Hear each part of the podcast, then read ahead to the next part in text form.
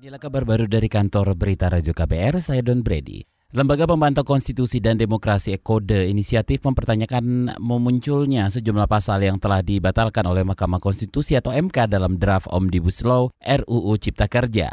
Koordinator Bidang Konstitusi dan Ekonomi Kode Inisiatif Rahmah Mutiara menyebutnya pasal zombie. Kalau misalnya itu dihidupkan kembali kayak untuk apa gitu? Karena itu udah jelas-jelas dia sudah dibatalkan oleh MK dimunculkan lagi. Jelas kalau misalnya menurut hukum itu melanggar ketentuan hukum karena e, eh, MK ini kan memiliki kewenangan untuk e, menyatakan bahwa suatu undang-undang ini bertentangan atau tidak dengan undang-undang dasar.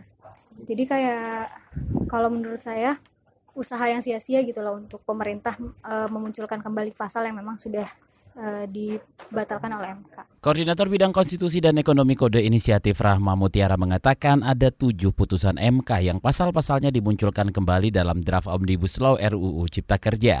Itu terdiri dari pasal-pasal tentang ketenaga listrikan, ketenaga kerjaan, hingga BP Migas. Arab Saudi kembali membuka Masjidil Haram di Mekah dan Masjid Nabawi di Madinah setelah ditutup untuk sterilisasi beberapa hari belakangan. Dikutip dari Reuters, Arab Saudi sempat menutup dua masjid paling penting bagi umat Islam itu setelah penyebaran virus corona melanda berbagai negara termasuk Timur Tengah. Sejauh ini Arab melaporkan lima kasus corona di negara itu. Arab Saudi juga masih memperlakukan larangan umroh bagi umat Islam sepanjang tahun 2020. Dari berita olahraga, saudara CEO Dorna Carmelo Ezpeleta menyatakan MotoGP bakal berusaha menghadapi ancaman pembatalan jadwal akibat virus corona.